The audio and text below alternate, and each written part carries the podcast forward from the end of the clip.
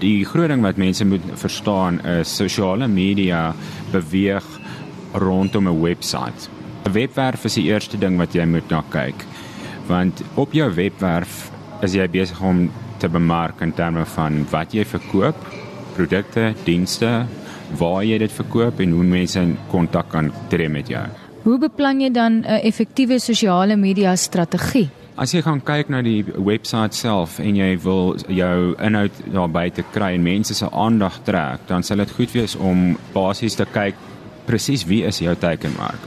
Daai kliënt se frustrasie wat hy dalk het, die probleem waarmee hy sit, die oplossing wat jy vir hom het, is baie belangrik voordat jy gaan na social media toe. Die ding wat baie mense verkeerd doen is basies om net 'n bladsy op Facebook te gaan skep, Twitter rekening oop te maak en inhoud te begin deel wat op 'n verkoopsmetode of verkoopsboodskap gerig is. En dit is die verkeerde ding wat mense kan doen want daardie mense waar na jy toe mik is tog op social media nie om spesifiek te koop nie, maar meer om te sosialiseer. Dit is seker ook belangrik om te besluit wat die boodskap is wat jy wil kommunikeer.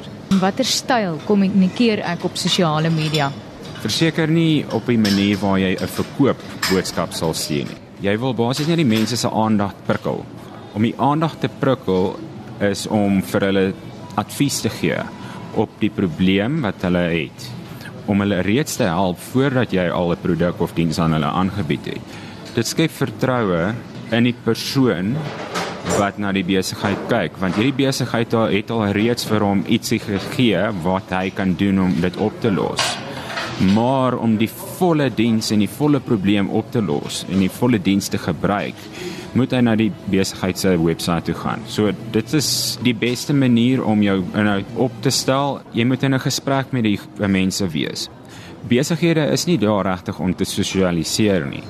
Maar die manier hoe jy praat en jou boodskap wil oordra, kan wel op 'n sosiale manier gesê word. Om die aandag te trek van 'n persoon, daar's baie maniere daar buite om inhoud te skep wat dan die webwerf weer eens wys. Jy as jy 'n sosiale media strategie saamstel, Moet jy op al die platforms teenwoordig wees? Nee, wanneer jy jou navorsing doen in terme van jou teikenmarkte uit te ken, gaan kyk na die tipe mense wat daai produkte koop. Hierdie persoon sukkel met X probleem. X probleem word baie bespreek op LinkedIn, so kom ek gaan praat met my kliënte daar. Jy moet basies seker maak dat jou teikenmark op die regte platforms is waar jy wil wees.